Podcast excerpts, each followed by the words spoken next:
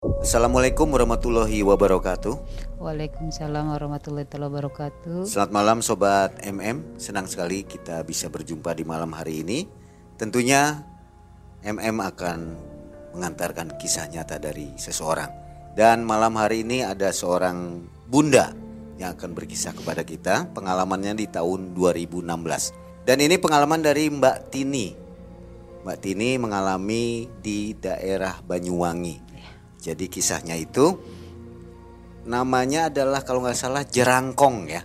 Ini tentang jerangkong. Sobat MM, ini kisahnya seru sekali. Jadi jangan skip video sampai akhir cerita. Kalau nggak sampai akhir pasti nggak paham nanti gagal paham ya. Baik, ini Mbak Tini sengaja pakai masker karena untuk kebutuhan privasi ya. Mbak Tini akan menceritakan kisah ini, membeberkannya bukan untuk membuka aib seseorang jadi untuk kebaikan kita semua ya. Pesan kebaikan. Kita kenalan ke Mbak Tini. Apa kabar Mbak Tini? Alhamdulillah baik. Nah Mbak Tini ini aktivitasnya sehari-hari apa? Hmm, uh, saya di saya ibu rumah tangga dan saya punya usaha salon di rumah. Oh buka salon ya? Oke nanti yang mau salon silahkan hubungi Mbak Tini ini.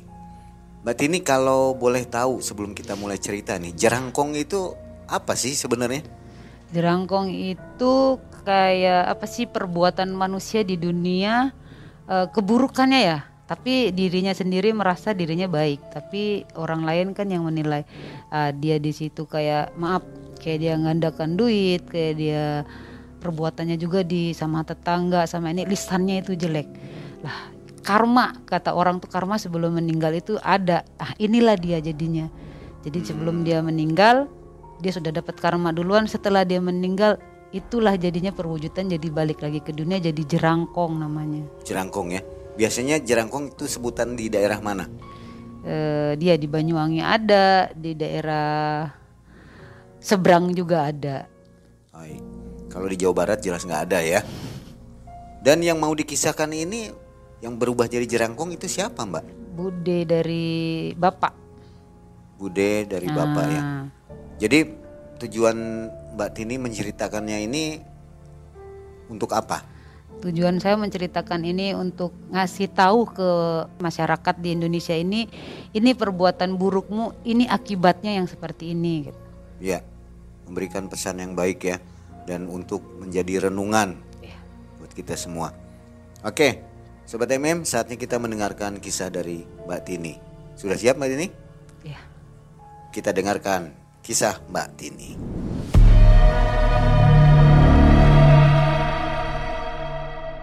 Di tahun 2016 itu bude saya itu saya samarin aja deh nama bude saya itu uh, kayak Mimin gitu. Si Mimin ini nih sama tetangganya itu jelek hati ya. Dia suka ngomongin tetangga, suka ngedumel sendiri dan kadang kadang-kadang itu tetangganya lewat depan rumahnya disiram pakai air comberan. Dan dia punya gang kecil di rumahnya dia itu. Itu pun tetangganya lewat di situ ditutup pakai batu bata. Bu, kenapa gang ini lewat saya ini jalan mau ke rumah yang di sebelah kenapa ditutup? Jawabannya apa? Berjawab seperti ini Emang apa urusan kamu? Orang tanah-tanah saya, jalan-jalan saya, emang kamu punya urusan? Katanya gitu. Kayak ini kan mal malas berdebat, pulanglah ke rumah. Setelah pulang ke rumah, rumahnya kan berdempetan, pokoknya gang sepasan orang aja lewat. Lah rumahnya disiram pakai air comberan sama si ibu Mimin tadi. Lah kan ribut sudah dia ini balik keluar nanya, ibu kenapa rumah saya disiram? Lah si ibunya bilang, mau mau saya. Orang yang nyiram juga saya bukan kamu yang nyiram kok kamu yang ruwet katanya gitu. Udahlah diamlah si tetangga sebelah tadi si kita samarkan juga nama si mbak tadi kayak mbak Mia. Mbak Mianya diamlah tidak berkomentar lagi. Sudah nyampe besoknya lagi si Bu Mimin tadi nih sebenarnya jualan kuliner kayak jualan tahu seperti itu menawarin lah sama tetangga-tetangga sebelah. Karena hatinya sudah jelek kayak kita tetangga kan malas mau beli nih emang. Kita nggak ah malas lah beli. Jadi dia marah kita nggak mau beli jajanannya dia. Terus dia ngomel kayak gini awas aja kamu nanti kalau kamu nggak mau beli makanan saya. Kamu lihat kan kalau saya mati saya cari kamu. Katanya gitu bilangnya kayak sebuah ancaman sebelum dia mati aja dia sudah bilang begitu apalagi nanti matinya mang. Habis begitu tetangga nih cerita ke saya itu si Bu Demu itu kenapa sih dia begitu? Sifatnya jelek sekali padahal sholat nggak pernah ninggal lima waktu. Lah kayak saya sebagai keponakannya kan malu bude saya dibegitukan. Saya jawab mungkin dia lagi nggak mood hatinya lagi nggak enak udah ditinggalin aja dibiarin saya bilang. Besoknya lagi seperti itu besoknya lagi seperti itu. Dan sama semua hampir tetangga dibegitukan sama dia lah semua tetangga kan nanya ke saya karena saya keponakannya. E, Mbak Tini saya mau nanya kok itu si ibu Mimin tadi tuh kok begini modelnya? Nah, saya jawab ya saya nggak tahu. Mungkin lidahnya dia mungkin banyak tulangnya mungkin makanya tajam saya bilang gitu sama dia. Habis gitu udahlah kita kayak yang nggak peduli dengan dia gitu. Nanti kalau dia jualan kita beli aja kayaknya dia punya ilmu yang apa sih menyakitkan di kita nantinya kelaknya ke depannya gitu. tetangga-tetangga bilang gitu. Akhirnya kita beli. Nah, mau tidak mau kan anu mang kita beli ke dia. Ya tidak bukan masalah duit ya mang. Bukan masalah duit tapi masalah hati kita. Jengkel sama dia tadi yang mulutnya pedes kayak cabai rawit kalau ngomong tuh. Jadi kayak harga tuh cuma 500 rupiah saja tapi yang kita kan gedek sama orangnya bukan sama makanan sebenarnya. Jadi kita beli.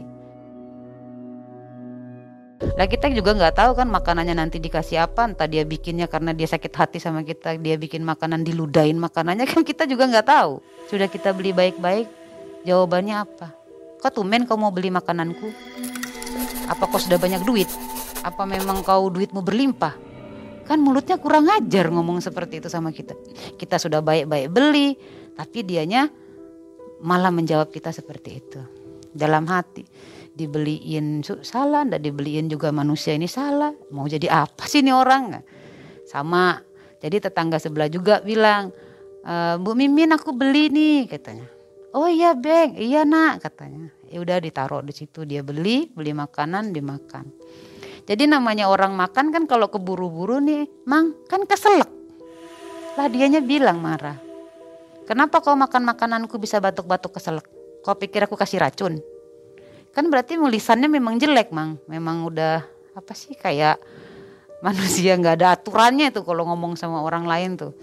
Tata krama juga nggak ada. Padahal eh, maaf banyak maaf sholat lima waktunya itu nggak pernah ninggal. Yang katanya setiap hari kalau dia ninggal lima waktu tuh kayak punya utang eh, dia meskipun dagang pasti dia sempatkan untuk lima waktu. Kenapa tapi mulutnya dia tuh seperti itu gitu.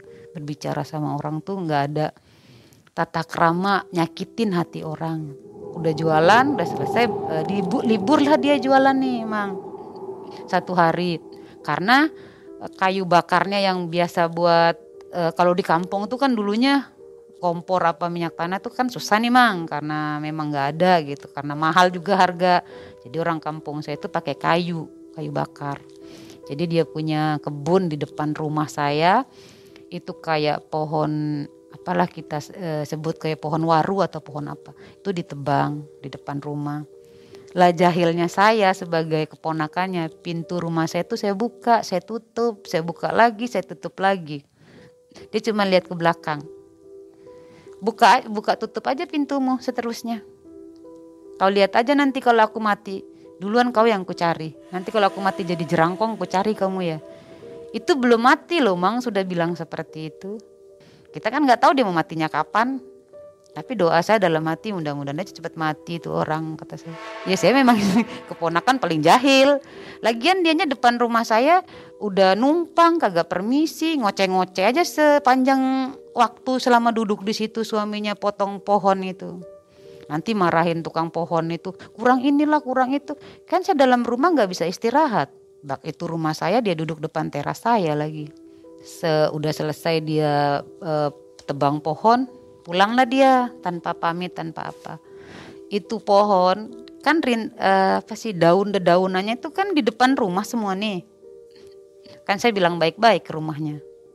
Bude kalau habis tebang pohon saya minta tolong bersihin sapuin.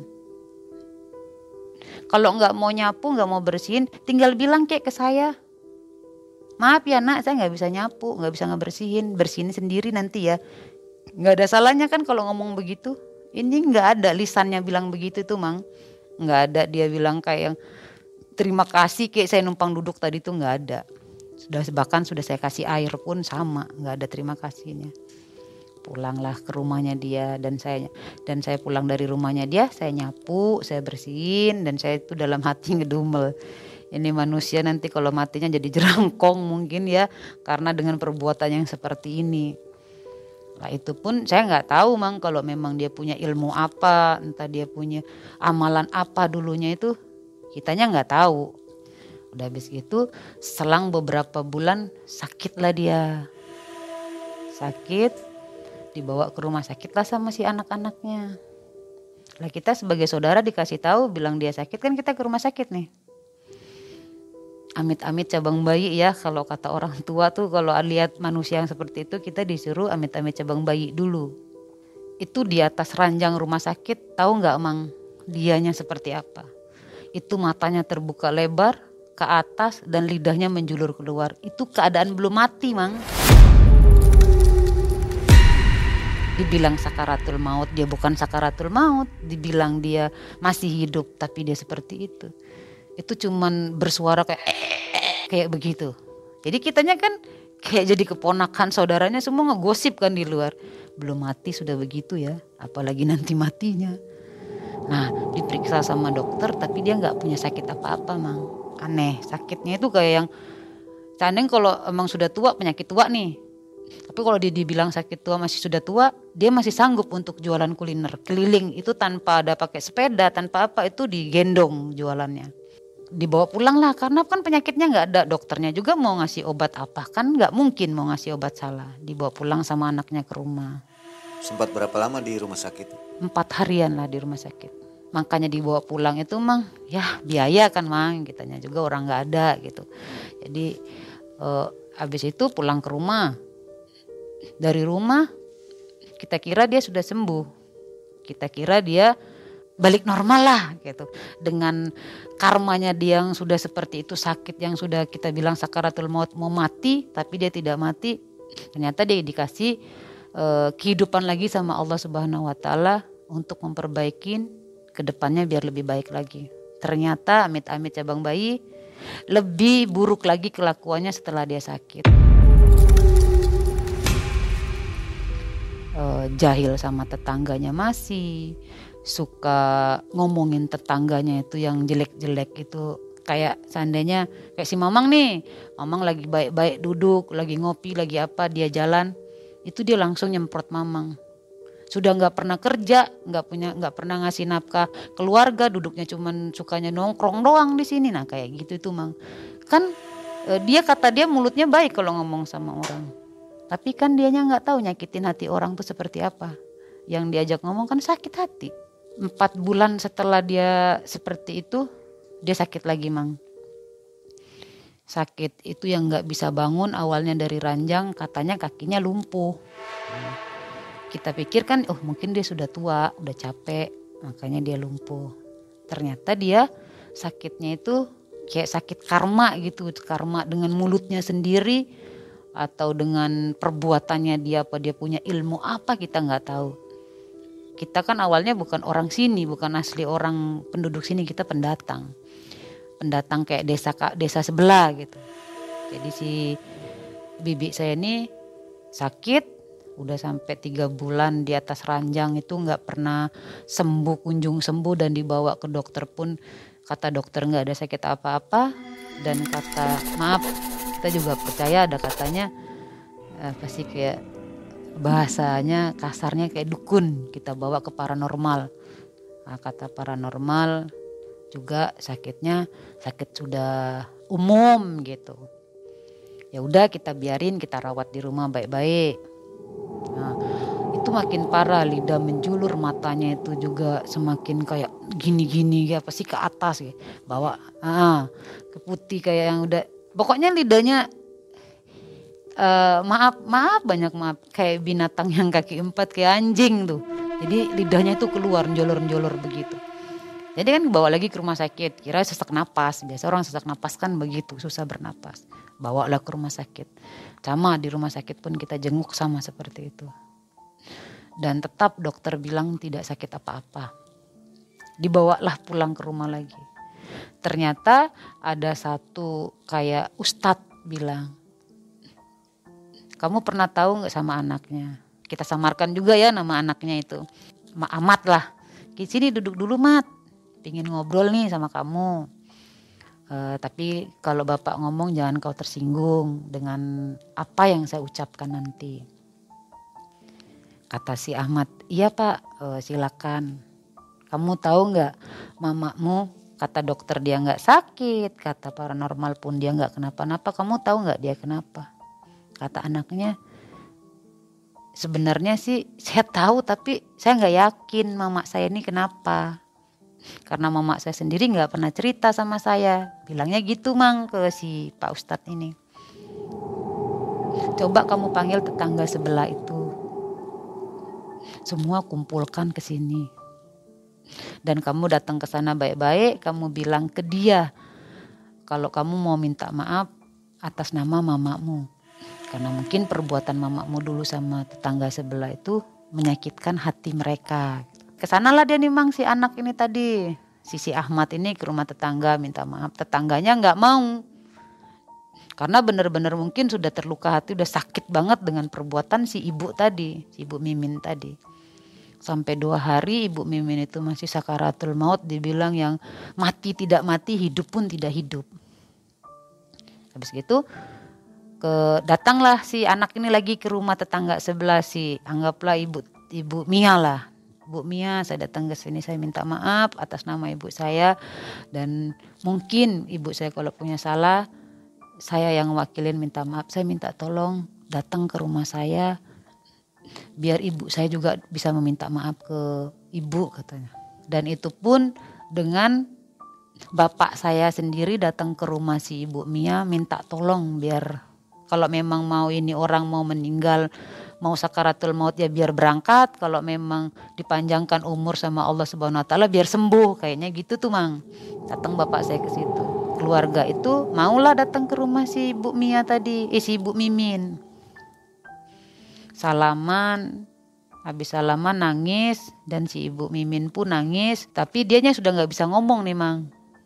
Si ibu Mimin ini dia nggak bisa ngomong. Cuman matanya aja yang bisa melek doang itu bisa begitu. Udah mungkin udah dia minta maaf juga sama si ibu Mia dan keluarga ibu Mia. Maghrib saya pulang kan mang? Saya pulang maghrib karena saya punya anak masih umur waktu itu masih umur berapa empat atau lima tahunan lah ingat saya. Pulang saya ke rumah. Saya duduk di rumah sambil menonton TV sambil ngopi sama keluarga. Datang sepupu ke rumah. Mbak Tini Mbak Tini Bude meninggal katanya. Lah saya kan manusia pak kayaknya keponakan paling jahil di dia gitu. Saya jawabnya begini biarin aja dia mati. Biar apa dunia kampung kita ini aman nggak ada dia biar nggak riuh. Jawaban saya nih mang. Eh nggak taunya siaran di masjid di musola dekat rumah kita saya itu. Setelah pulang ke rahmatullah ini yang beramai ini. Saya kaget cuman ya Allah mulut saya tadi ngomong begitu dia beneran meninggal ya. Udah saya titip anak nih ke nenek. Saya bilang sama mama sama bapak apa itu? Ayo ke sana. E, bude meninggal. Ya udah kita berbondong-bondong ke sana. Dan kita kan nungguin nih mang karena dia meninggalnya itu setelah maghrib ibu Mia ke rumah bude sudah selesai dimaafkan mungkin kayak dibilang dosanya sudah habis kayak gitu ya mang. Jadi dia dipanggil lah sama Allah Subhanahu wa taala. Sakaratul mautnya juga lewat juga. Isaknya sekitar jam 8 jam jam 7 jam 8 itu dia meninggal mang. Jadi kan nggak mungkin langsung dikubur. Kalau di rumah kita itu nggak ada mang. Malam langsung dikubur meninggal itu nggak ada. Nunggu paginya ya. pagi. Kan malam itu kan di apa ya jenazahnya itu ditaruh di atas kasur kayak gitu. Kitanya ngaji yasin nih. Saya sendiri tuh ngelihat kayak yang sudah hawa nggak enak gitu. Ini orang ya nanti jangan-jangan beneran aku dicari lagi. Dia jadi kan sudah ngancem aku kemarin. Pulanglah. Sebelum e, diajak nungguin saya nggak mau. Pulanglah saya ke rumah nih mang. Nah, ada keponakannya dia sebutlah namanya Wati apa siapa gitu. Kita samarkan namanya. Bilang ke ibunya anaknya si si ibu Demimin tadi.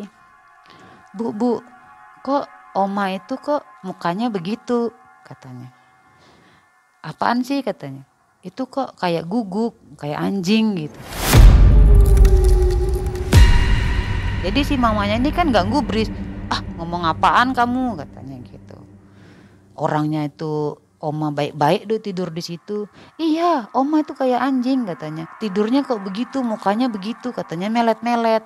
Padahal kan orang sudah meninggal nih sudah jenazah yang di situ tuh mang kita kan e, maksudnya mereka nggak ngubris. Itu yang cerita ke saya itu karena saya nggak ada di situ mang. Yang cerita ke saya itu mama. Tadi si ini si Wati bilang kalau neneknya itu kalau omanya itu tadi berubah jadi wujudan binatang hewan gitu. Aduh barang-barang begitu tuh kok mau dipercaya sih? Saya bilang gitu. Udahlah pulang yuk tidur udah malam. Tidurlah kita nih mang. Pagi kan kita ke sana lagi kalau kata orang itu kita ikut mandiin mai apa jenazahnya mau nganter ke peristirahatan terakhirnya gitu. Kita ikut lama prosesnya semuanya. Habis itu dibawa e, disolatkan dikubur. Ya namanya kita saya juga masih dibilang masih muda masih muda waktu itu. Kan nggak mungkin tahu perbuatannya dia.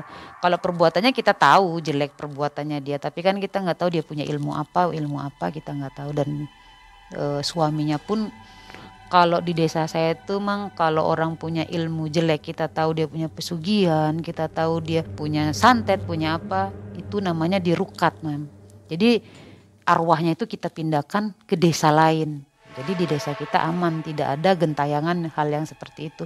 Kalau dibilang jerangkong ya nggak ada. Tapi kan keluarga yang yang bersangkutan tadi nggak ada yang tahu, mang. Jadi tinggal dikubur aja, dikubur, tidak dikasih. Biasanya kalau kita tahu dia punya seperti itu, kita kasih kacang hijau. Kalau enggak kita beli sapu lantai itu kan banyak tuh mang bulu-bulunya hijau itu. Kita dibacain kita saya nggak tahu bacaannya apa ditanam di situ sampai habis itu dia ngitung sapu itu baru bisa keluar. Nah, kitanya kan nggak tahu kalau dia punya ilmu apa jadi kan nggak ditanamin itu mang. Malam kita pulang masing-masing ke rumah habis tahlil lah kita. Tahlil di sana itu habis sholat maghrib. Kita tahlilan sampai isya. Habis itu kita pulang ke rumah masing-masing. Saya tuh tidur di rumah saya sendiri yang dia yang dia pernah duduk di situ dengan moto apa nebang pohon dengan berucap sama saya. Nanti kalau dengan saya masih kayaknya teringat. Nanti kalau saya mati uh, saya cari kau duluan kalau saya jadi kalau saya jadi rangkong bilangnya gitu. Itu saya ingat mang. Tapi kayak ya udahlah mungkin itu cuma ucapan palsu. Gitu. saya tidur sama dua keponakan saya dan sama anak laki-laki saya tadi Emang tahu nggak kalau kita makan tulang yang kita makan tulang tapi tersedak di leher? Suaranya kan kayak gitu kan. Nah, seperti itu dia di samping rumah saya. Dan rumah saya waktu itu tuh masih belum tembok. Temboknya itu masih uh, apa ya, bambu tapi di dianyam. Nah, kayak bilik begitu. Itu kayak digaruk gitu, Mang. Krek, krek, krek kayak gitu. Lah keponakan saya dua kan bertanya, "Apa itu tadi?" Ya mana aku tahu lah, tidur udah malam, orang udah jam sekitar jam satuan nih mang. Tapi keponakan saya yang satunya tadi, eh, adik sepupu saya bilang, kok ada kambing lewat di sebelah rumah. Tapi kata adik saya, bilangnya, bukan, itu kayak anjing katanya. Itu kambing siapa sih? Jam segini kok dilepas kok di rumah saya tuh nggak ada namanya binatang itu terlepas malam mang. Pasti dikurung. Kalau jam segitu ada binatang terlepas kan kitanya keder gitu kan bingung gitu. Udah kalian ini pada tidur napa sudah malam. Ada aja yang dikerjain. Sampai jam sekitar jam 2 1 sampai jam 2an itu masih tetap dia hak hok hak hok di samping rumah saya. Dan bedek saya bilik saya itu digaruk-garuk masuklah suara itu ke dalam. Kayak orang nyapu tuh mang. Terus benahin piring. Padahal saya kan nggak nyuci piring apa itu kayak dia benar nyuciin klonteng klonteng lah adik saya kan sampai pipis sama keponakan saya di atas ranjang. Dari takutnya. Lah terus saya bilang kalau di sini terus kitanya nanti nggak tidur tidur ya udah yuk kita pulang ke rumahnya mama. Lah sudah jam segitu siapa berani coba nyebrang dari rumah mama saya tuh sekitar 30 meteran larilah kita berempat nih dengan saya gendong anak saya lari ke tempatnya mama kata bapak kenapa malam-malam pulang ke sini tadi tuh ada suara begitu Eh, bapak saya kan orangnya e, memang tidak percayaan sama yang hal seperti itu. Alah, mana ada orang mati balik lagi katanya. Oh ya udah bapak nggak percaya tidur ayo dek sampai pagi. Setelah jam 3 subuh, Amang tahu nggak apa yang terjadi jam 3 subuh tuh? Dia teriak dengan sebutan panggilan dia jualan kuliner tadi. Tahu, kamu mau beli tahu nggak? Jadi kayak yang tengah malam tuh dia jualan pula Padahal kan orangnya sudah nggak ada, sudah meninggal gitu. Tapi dia tetap jualan tahu. Eh, kok ngedenger yang seperti itu? Saya bangunin keponakan. Kamu denger nggak ada orang jualan malam-malam? Kok jam segini orang jualan tahu ya? Ya mungkin orang nyasar mungkin katanya yang jualan. Saya tanya ke abang di luar nonton TV itu. Bang bang dengar orang jualan nggak? Iya sih tadi. Ah mungkin telingamu aja sewak katanya ngedenger orang jam segini jualan tapi saya ngedenger juga sih katanya ya udah kan kitanya santai nih oh anu mang tidur lah kita mang pagi-pagi biasa kan kita beli sayur kayak beli e, masakan matang tuh di rumahnya tante sebelah. Ke sana kita. Dibilangnya gini belum saya ngucap nih mang. Belum saya ngomong apa-apa itu sudah ada yang ngomong duluan. E, tapi saya diem. Tadi malam kau ngedenger nggak ada orang teriak-teriak jualan kayak tahu tahu ndak beli tahu kamu kayak gitu. Nah yang satu ngejawab iya aku ngedenger juga. Yang satunya juga saling sawut nih mang. Aku juga ngedenger aku siapa ya? Jangan-jangan isi Bu Mimin tadi yang meninggal itu dia balik lagi. Nah bilangnya kan saya sebagai keponakannya kayak yang malu kan gitu. Ah, udahlah balik lah akhirnya balik ke rumah saya diem. Emang bener dia nggak ya? Ah saya penasaran nih. Coba malam nanti saya nggak tidur. Jadi si tante saya adik dari bapak saya tuh takut. Diajaklah saya tidur di rumahnya dia. Temenin aku tidur ya katanya ya udahlah kan ditemenin nih tidur. Karena saya juga ya bukan alhamdulillah sih. Maksudnya beranilah orangnya kan kepo dengan hal-hal seperti itu. Jadi saya sedikit menantang sih. Pingin tahu bener apa sih enggak sih nih? Manusia kalau sudah meninggal emang balik lagi ke dunia bisa nggak gitu. Saya balik saya tidur di situ. Dan di situ pun sama yang terjadi di rumah saya. Dia nyapu dia nyuci piring dan itu pun kita tidur di rumah tante itu nggak pakai nggak pakai ranjang mang. Tidurnya di lantai.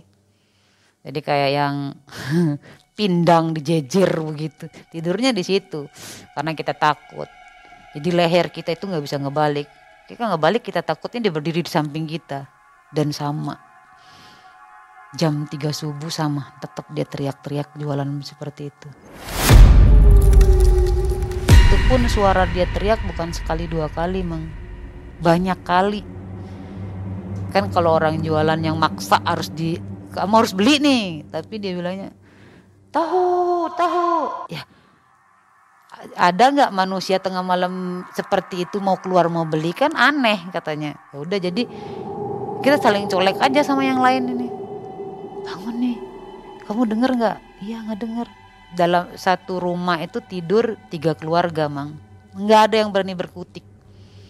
Nggak ada yang berani keluar nggak ada yang berani ngintip sekalipun nggak ada yang berani. Tapi di eh, anehnya dia itu jualan itu kita nggak dengar tetap di satu titik itu doang. Nggak pindah-pindah. Maksudnya kalau orang jualan kan eh, kayak jualan es krim kayak ning nung ning. Kita dengar di kita selama makin lama makin lama kan makin jauh nih mang kalau dia nggak mang duduk di situ ya di situ aja suaranya. Tapi anehnya orang kampung bisa ngedengar suaranya dia semua. Pagi-pagi nah sama. Duduk nongkrong di rumah saudara yang satunya saya penasaran coba ini ngomong apa nggak ini tentang si ibu Mimin tadi. Sama. Iya tadi malam aku ngedenger uh, suara orang jualan tahu-tahu maksa lagi kayaknya jualan. Siapa ya? katanya emang ada orang jualan jam segitu? katanya dia. Ada yang nggak jawab jangan-jangan jerangkongnya bu si ibu Mimin ya. Kayaknya sih katanya si yang satunya tadi. Di situ semakin lama semakin heboh lah di kampung itu emang orang bercerita tentang dia begini begini, begini. oh mungkin perbuatannya dia dengki iri hati benci sama tetangga. Uh, kita pikirnya seperti itu ternyata kita punya kayak ngedenger lagi dari sepupu yang dari Jawa itu datang lah. Karena udah tiga hari nih mang. Pas tiga hari innya itu datanglah kan saudara-saudara ngumpul semua untuk selamatan. Apa bilangnya tahlil malam tahlil ketiga. Di situ kita ngedenger bahwa ya si ibu almarhum mudah-mudahan dilebarkan kuburnya dikasih tempat yang baik di sisi Allah Subhanahu Wa Taala. Saya bercerita bukan aibnya dia saya bongkar tapi saya nunjukkan ke manusia inilah yang terjadi gitu maaf ya memang saya cerita ini bukan nyeritain keburukannya gitu jadi kata si saudaranya itu tadi dia itu menggandakan uang. Kayak dia punya ilmu atau pesugihan, uang balik atau gandakan uang gitu tuh mang. Jadi kayak dia beli di warung 100 ribu, kayak ya udah aku beli ini nih beli garam nih seribu tapi duitnya 100 ribu. Nanti ditanya sama warungnya, kok uangnya 100 ribu? Ya nggak ada lagi, cuman satu saya punya duit. Kan diambil nih sama warungnya Kan dia punya kembalian nih 90 lebih. Dia kan dibawa pulang ke rumah. Uangnya si bapak itu tadi nggak ada. Nah dia punya uang kembalian. Semakin lama kan duitnya dia semakin banyak. Ya disebutnya juga uang bibit ya. Mm -mm, uang bibit. Memang si Bude Mimin ini kehidupannya kaya.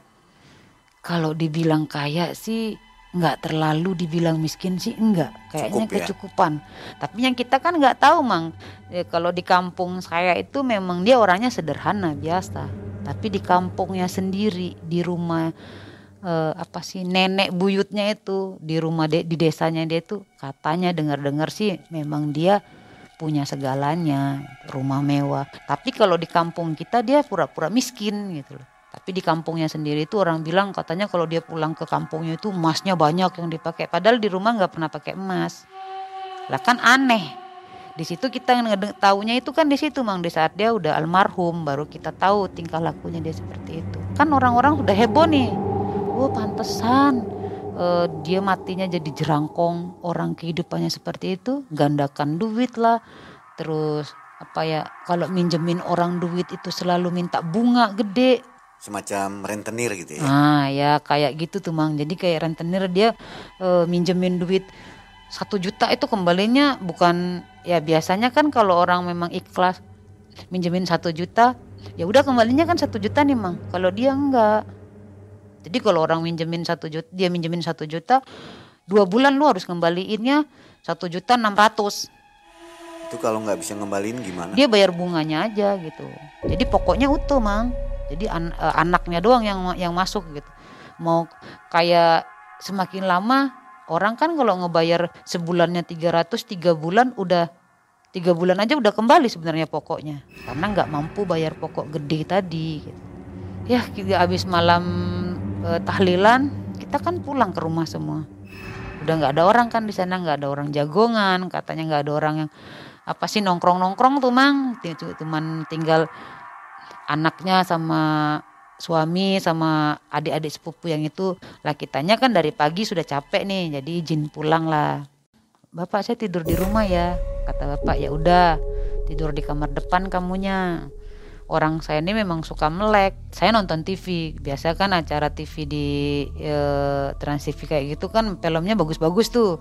Jadi nonton sama tapi mama nggak ada. Waktu itu mama tidurnya udah di kamar. Saya abang sama bapak. Bapak tidur di atas uh, kursi saya di bawah dan abang di pas di depan pintu. Kita nontonnya asik. Kayak nonton Jackie Chan kayak gitu tuh. Nonton Jackie Chan. Seru lagi seru lagi. Berantem pun kita lagi mandengin TV jadi saya ngedenger suara napas. Kalau manusia tuh bernapas kan nggak sekeras nggak gitu. Paling gitu aja. Ini kok napasnya beda kok kayak orang apa sih kayak dikejar-kejar ratusan orang larinya ngebut itu napasnya seperti itu mang saya bilang sama abang bang itu napasnya napas abang Enggak lah, masa aku napas ngos-ngosan mana ada. Si abang ngedenger juga, jadi saling tuduh kita berdua nih mang. Napasmu mungkin. Enggak ih, aku enggak napas. Abang mungkin. Tapi saya tetap pandangan ke TV. Cuman sambil ngomel nih mang. Aduh, film bagus-bagus masih aja kau ngeributin. Udah tonton kata si abang. Udah tonton baik. Terus di telinga saya tuh semakin keras mang suaranya napasnya itu maaf mang ya kayak suara anjing yang lagi habis lari maraton kayaknya kok ya hah, hah gitu tuh mang bang suaranya makin keras coba deh lihat di pintu pintu waktu itu udah ditutup sama abang memang abang saya ngebalik muka kaget. Dan dia pun juga biasa ngelihat gini. Amit-amit ya mang. Itu kepalanya manusia badannya anjing loh mang. Nyata jelasnya jelas. Dan itu mata kepala saya sendiri ngelihat bukan kata orang si A si B nggak. Saya berdua abang ngeliat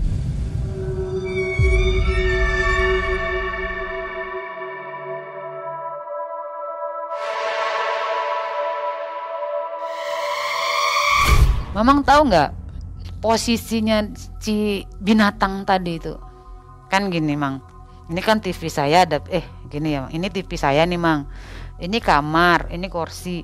Lah, ini kepala saya ini separuhnya itu di luar kepala. Ini badan saya ini separuh dalam kamar, Mang. Abang saya tuh di sini, di pas di depan pintu. Pintu saya tuh nggak ditutup sama abang. Memang eh, maaf ya, Mang. Kitanya nggak pakai kipas angin, nggak pakai AC. Kan kipas angin tuh cuma ada di kamar-kamar doang. Kalau di ruang tamu tuh kita memang nggak kasih karena bapak nggak bisa pakai kipas angin. Pintunya dibuka. Maaf banyak maaf dianya ikut juga pas di depan pintu di belakang abang saya dan saya pun nah kayak gini nih mang ini abang ini saya tapi badan saya ini yang separuh nih di dalam kamar yang separuh di luar abang tapi e, malang di pintu itu jadi begini jadi kan kita posisi sama abang nih deket. Kayak napas dia tuh saya denger. Tapi nggak mungkin kan napas abang saya seperti itu. Begitu abang saya saya teriakin coba lihat ke belakang. Dan maaf dianya itu e, jerangkong yang tadi itu pas jejer di depan TV saya tuh TV lurus begini dia nonton cuman begini doang. Nggak berkutik nggak bergerak sama sekali. Dan abang saya ngebalik badan itu langsung kaget. Dan abang saya tuh diem sejenak begitu abang saya bangun dia langsung lari. Dikejarlah sama abang saya. Awalnya itu eh, saya nuduh abang saya kentut. Kamu kentut? Memang maaf ya bang uh, mang kalau di rumah saya tuh kalau ada memang jerangkong kayak gitu tuh hmm, bau kayak bau terasi yang ada sih yang kita hancurkan dalam air yang genangan air baunya yang busuk itu mang seperti itu. Jadi saya ribut sama abang itu awalnya ribut kentut kedua ribut napas bukan yang bau melati bau apa? Bau melati lah kita tahu kalau ada jerangkong mau lewat ada hantu mau lewat. Jadi kan kita enak bang ada hantu lewat nih. Nah ini baunya kayak bau kentut yang makan telur 50 butir tuh mang. Busuknya itu begitu. Jadi kan kita nggak sadar kalau memang ada makhluk halus di belakang kita. Dikejar sama abang udah itu bangunin bapak. Bangun nih pak. Oh nggak percaya. Abang datang minta air dek. Aku minta airnya. Dia minta air diminum tanya bang tadi itu apa? Kok mukanya mukanya si Bu D ya? Kok badannya anjing? Terus si dia ini bilang si abang iya orang aku juga lihat jelas. Si bapak kan nggak percaya. Mana ada makhluk eh, orang sudah mati kok hidup lagi? Bapak. Kan orangnya memang nggak pernah percaya dengan maruk barang seperti itu tuh udahlah ngomong sama bapak sama aja lah. Tutup nih pintu nih mang. Tutup pintu. Lah jelas saya kan nggak berani tidur di kamar sendiri ngikut chat ngumpul lah sama si bapak sama si abang nih. Tapi dia bilang bapak kalau nggak percaya kita jangan tidur. Kita coba dengerin apa kata adik tadi. Bener nggak kalau setiap malam jam tigaan itu ada orang jual tahu? Jadi kita duduk sambil ngobrol sambil ngopi sambil ngerokok di situ mang beneran mang? Dengan teriakannya suaranya yang merdu lantang yang pakai toa itu dengan bilang tahu tahu kayak. Kayak bapak itu kayak yang cuman terdiam kok saudaraku seperti ini? Karena suaranya memang suaranya dia mang. Dan abang pun bilang ah percaya sudah aku kalau begini. Berarti mul berarti memang dia sudah yang jadi nih katanya gitu. Nah sudah percaya kan kalian semua? Bukan mulutku yang ngada-ngada kan kalau ngomong? Aku bilang. Terus kata si abang iya dek percaya aku dek sudah ndak mungkin ndak percaya. Percaya sudah aku katanya. Nggak sempet ngintip melihat ada sosoknya atau bayangan atau gimana? Kalau sosok sama bayangan itu nggak ada, Mang. Tapi suaranya lantang. Hanya suara aja. Hanya suara saja yang lantang gitu. Paginya sudah kita seperti itu. Kitanya udahlah coba diem aja. Ada nggak lagi isu-isu seperti itu? Beneran hampir satu kampung itu ngisukan kalau Bu Mimin ini Bu De Mimin ini tadi memang matinya jadi jerangkong orang bilang. Jadi saya sebagai ponakan sih sebenarnya malu. Ya, mau keluar juga ikut ngegosip. Keluarga saya ndak ikut ngegosip, takut saya ketinggalan, Mang. Kan namanya aja sisi CCTV Indonesia kitanya nih, Mang. Ikutlah kita malamnya si tante ngajak tidur di rumah lagi. Itu setelah tujuh harinya dia kalau di tempat saya itu mang tiga hari itu dia kalau tiga hari dia meninggal dia masih dalam rumah satu minggu kita dia meninggal itu nganter dia pulang dulu ke rumah. Maksudnya ngelepas dia pergi dari rumah tuh mang. Nah kalau di rumah saya itu seperti itu. Pas tujuh harinya dia waktu selamatan pun kita ada yang janggal. Ada yang janggal tapi nggak ada yang gubris tuh mang. Duh uh, paling cuman lupa ngasih ngasih lauk gitu. Cuman beberapa piring. Udah habis itu tidur saya di rumah tante saya bilang nanti kalau beneran ada memang wujud kau berwujud seperti itu. Saya minta tolong kau datang di saya. Saya capek dikejar-kejar begini nih. Sudah hidupnya kamu bikin hati saya sakit bikin hati saya ini dongkol matinya pun pula sama. Nyakitin bukan nyakitin hati sih ujungnya mang kayak yang nakutin gitu. Jadi mulai nantang ya? Nah, mulai nantang saya. Udah mulai tengilnya keluar kayaknya. Di samping saya tidur itu mang saya kasih tepis. Tepis itu apa kayak sapu lidi tapi cuman sedikit. Uh, paling 50 bijian lah. Sama kelor. Daun kelor taruh di samping. Uh, dan saya tidur tuh miring mau pokin anak. Udah anak tidur si tante itu tidak tidur. Karena tante bilang Tini saya nggak bisa tidur saya takut dengan suara itu. Suaranya yang kayak mindahin piring nih mang. Piring di situ dipindahin nanti dipindahin ke sini nanti dipindahin ke situ nanti nyapu. Jadi saya bilang sama tante udahlah tidur tutup aja telinganya. Nggak bisa katanya.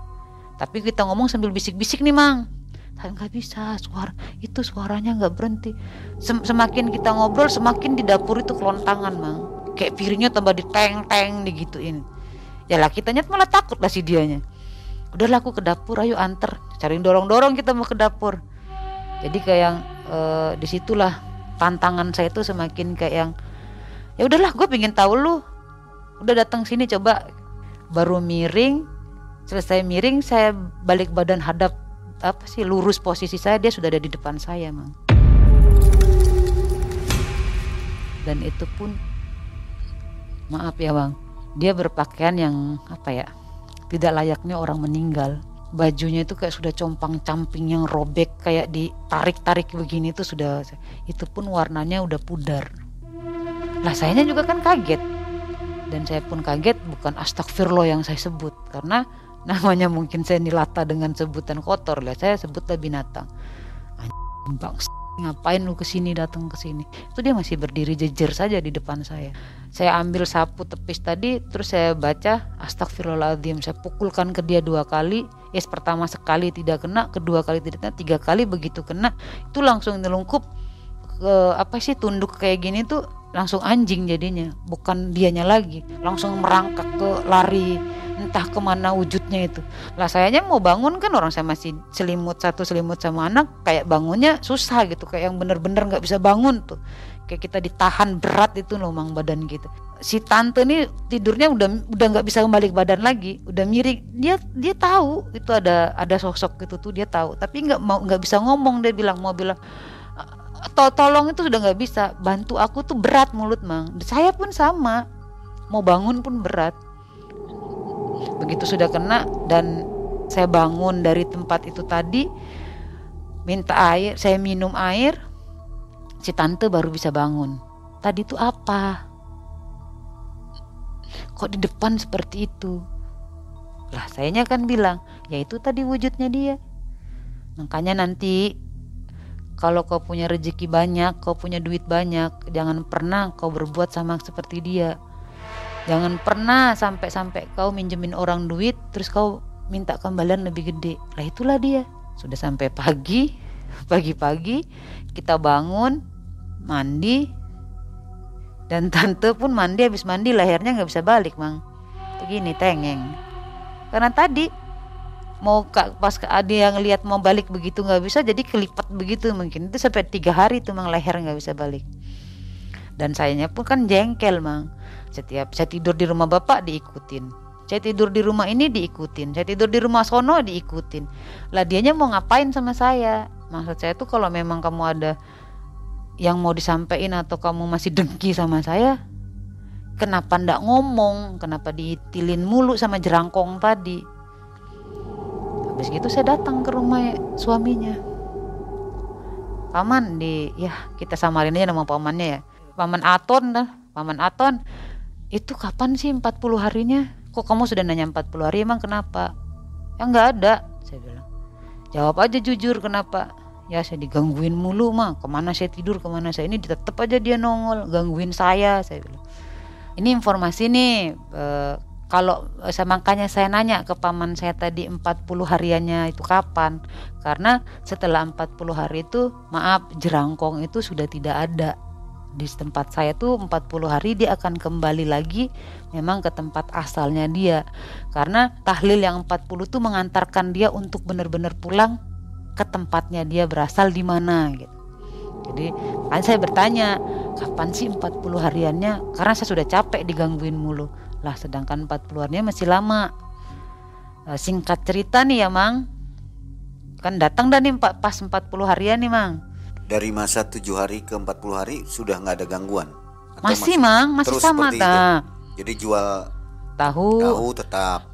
Satu per, satu orang yang pernah dijahilin dan orang yang nggak pernah disalahin pun tetap didatengin satu satu terus satu, ya satu. Itu terus rutin. rutin. Tiap malam. Sampai 40 hari itu tadi. Pas 40 hari kita selamatan. Emang tahu pengen tahu nggak e, anehnya gitu kirain kok tikus sama kucing yang suka sama telur. Ternyata jerangkong pun suka sama telur tapi nggak suka nasi loh mang. Itu kita kan taruh nasi nih mang. Karena kita ngundang orang kan 100 orang ya sekitar 90-an atau 80-an tapi kita jajar nasi yang di piring tuh 100 piring mang. Kita jajar nih. Karena kita kalau tahlilan itu kita ngundang orang ngasih makan. Itu kan di depan masih pengajian nih mang. Pengajian lah kitanya ini bodohnya kita kita ke depan mang semua tidak ngiroin nasi ini tadi. Kita ke depan ngobrol. Masa mau nungguin nasi orang pengajiannya aja masih lama ngobrol-ngobrol. Pas sudah mau selesai mau mau baca doa ya udah kita kasih kuah. Kan kalau di sana kan telur sama ayam siwir kasih sambal sama kecap lah nanti kita tinggal ngasih kuahnya aja. Kita balik lauknya nggak ada mang. Kalau satu kita tuduh kucing tikus 100 di piring itu kagak ada lauk sama sekali. Habis lauknya. Lah siapa yang makan? Masa Dayo yang datang tiba-tiba langsung makan lauk? Kan nggak mungkin. Nah itu saya baru tahu kalau jerangkong juga suka lauk kan. Nah di situ udah kita ah ya udahlah kita tambahin lagi tambahin lagi dan kita doakan. Di situ suaminya baru tahu.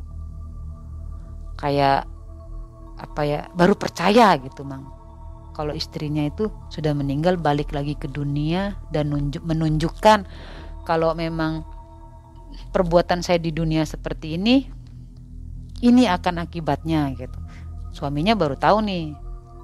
Jadi kalau di rumah kita itu kalau orang meninggal yang punya pesugihan kayak punya santet punya kelakuan buruk punya lisan juga jelek itu pasti kita tanamin kayak tadi sapu ijuk sama apa sih namanya e, kacang hijau kita goreng atau jagung yang kita goreng. Itu seperti itu mang. Itu supaya apa? Kalau dikasih hijau kalau dikasih hijau. itu kalau dia punya kelakuan jelek di dunia mang dia biar nggak bisa balik lagi ke dunia. Itu ditabur di mana? Di, di atas kuburannya. Jadi ya kan namanya mustahil kan kalau kacang hijau kita goreng dia mau tumbuh mang. Kalau dia masih mentah mungkin dia tumbuh ini kita goreng dulu mang. Tapi kita goreng itu yang nggak pakai minyak tuh mang. Sangrai. Ah sangrai. Habis itu uh, kita nggak tahu saya nggak tahu lah mang doanya seperti apa bacaannya seperti apa saya nggak tahu. Itu ditaburkan nanti di atas itu. Jadi berbahasa tuh seperti ini. Sebelum kacang hijau ini tumbuh berbuah kamu nggak jangan keluar dulu. Lah nunggu itu kan kapan? Nggak bisa berbuah kan dia bang? Jadi dia upek-upek di situ aja nungguin si kacang hijau.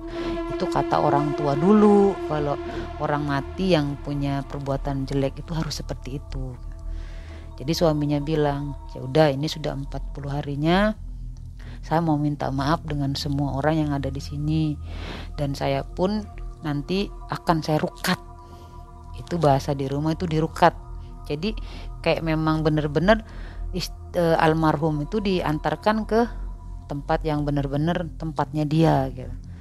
Itu di 40 hari itu besok malamnya kan biasanya kalau di rumah saya itu 40 harian ya udah selesai selesai emang. Itu malamnya besok malamnya lagi kita ngadain lagi kalau kata orang itu ritual. Jadi kita adakan lagi seperti itu untuk nganter dia benar-benar ke tempat yang memang tempatnya dia gitu. Jadi kayak yang selamatan lagi dan itu mang saya anak saya sama keponakan yang si Wati tadi itu duduk di hadapan pintu lagi ngobrol-ngobrol asik. Si anak saya bilang bunda bunda itu apa? Mana sih? Itu terus saya kan kayak apa sih? Saya ngelihat begitu itu memang bener dia. Kayak yang mungkin mau ngucapin gitu kan mang. Kayak yang aku pergi. Uh, aku nggak maksudnya kayak perpamitan lah mang. Dia di situ bukan kayak maaf kayak manusia. Memang binatang yang ada di situ dengan kepalanya kepala manusia badannya badan anjing. Tuh kayak anak saya kan dibilang dikira guguk yang di situ. Itu apa? Atau apa? katanya. Jadi keponakan dikira saya saja yang ngelihat ternyata keponakan saya juga ngelihat kok bisa begitu ya? Bisa ada di situ kayaknya mau pamitan ya.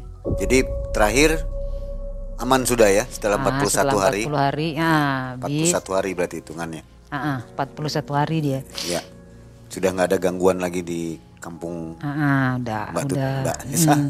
cuman yang tersisa yang tersisa ya tinggal gosip-gosip aja. ya. gosip Sampai perbuatanmu masih. masih masih sekarang tuh maaf kalau sekarang itu masih dibuat gunjingan tuh kayak meskipun orangnya sudah meninggal. Kalau kita pinjam duit nih kita pinjam duit sama orang nih sama saudara pun aku pinjam duit ya. Ya udah nanti kembaliinnya lebih ya. Kamu mau kayak si Bu Mimin nantinya hidupmu masih tetap itu ada mang masih nyantol kuat lah ya. uh, dengan perbuatannya dia yang seperti itu sampai sekarang Oke. Nah, sobat MM dari kisah ini bisa diambil kesimpulan baiknya bahwa hidup itu harus berbuat baik, jangan berbuat jahat. Dan jangan neko-neko dengan adanya pesugihan atau tadi yang disebut apa? Hmm. uang bibit uh, atau uang rentenir bibit ya. hmm. Nah, di daerahnya Mbak Tini ini bisa menjadi jerangkong sebutannya. Jadi karma di dunia ya. ya setelah meninggal dunia, langsung ditunjukkan. Hmm. Baik. Dan yang saya aneh di sini, sholat dari Bude Mimin ini hmm.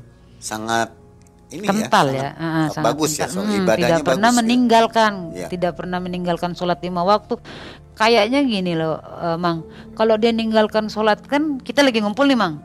terus azan di musola dia langsung bangun nggak mau ketinggalan. Nah kita nanya mau ke mana baru sih azan. Mau siap-siap mau sholat dulu. Taat ya. Ah lah kitanya kan nggak percaya kalau dia punya maaf punya kelakuan yang seperti itu tuh yang dia nyimpang dari ajaran kita yang dia punya ilmu ini dia terus menggandakan uang dan dia jadi rentenir pun kita kan nggak nggak nyangka gitu dengan taatnya sholatnya dia. Oke kira-kira ada pesan yang ini disampaikan dari kisah ini uh, ya saya mau berpesan sama semua orang yang ada di dunia ini. Saya cuma pesan jaga lisan untuk berbicara dan jangan punya iri hati dengki sama orang. Dan saya minta tolong kalau seandainya ada orang minta bantuan sama kita kayak ya minta tolong berupa uang janganlah membebankan orang itu untuk kembalikan lebih dari yang kita pinjamkan. Berbunga. Ah berbunga. Oke sobat mm jadikanlah kisah ini pedoman hidup untuk kita semua silahkan renungkan agar kita menjadi baik di akhir ceritanya terima kasih mbak Tini atas kisah yang bagus ini ya. sampai jumpa di kesempatan lain mungkin masih ada kisah lain terlalu banyak ya. Terlalu banyak ya. Oke, Karena di kita, desa saya itu karma berjalan. Kita tanyakan kepada hmm. penonton kita, hmm. silakan yang ingin mendengarkan kisah lainnya dari Mbak Tini komentar di bawah. Mbak Tini terima kasih dan Mang Ei serta tim undur diri. Assalamualaikum warahmatullahi wabarakatuh. Waalaikumsalam warahmatullahi wabarakatuh.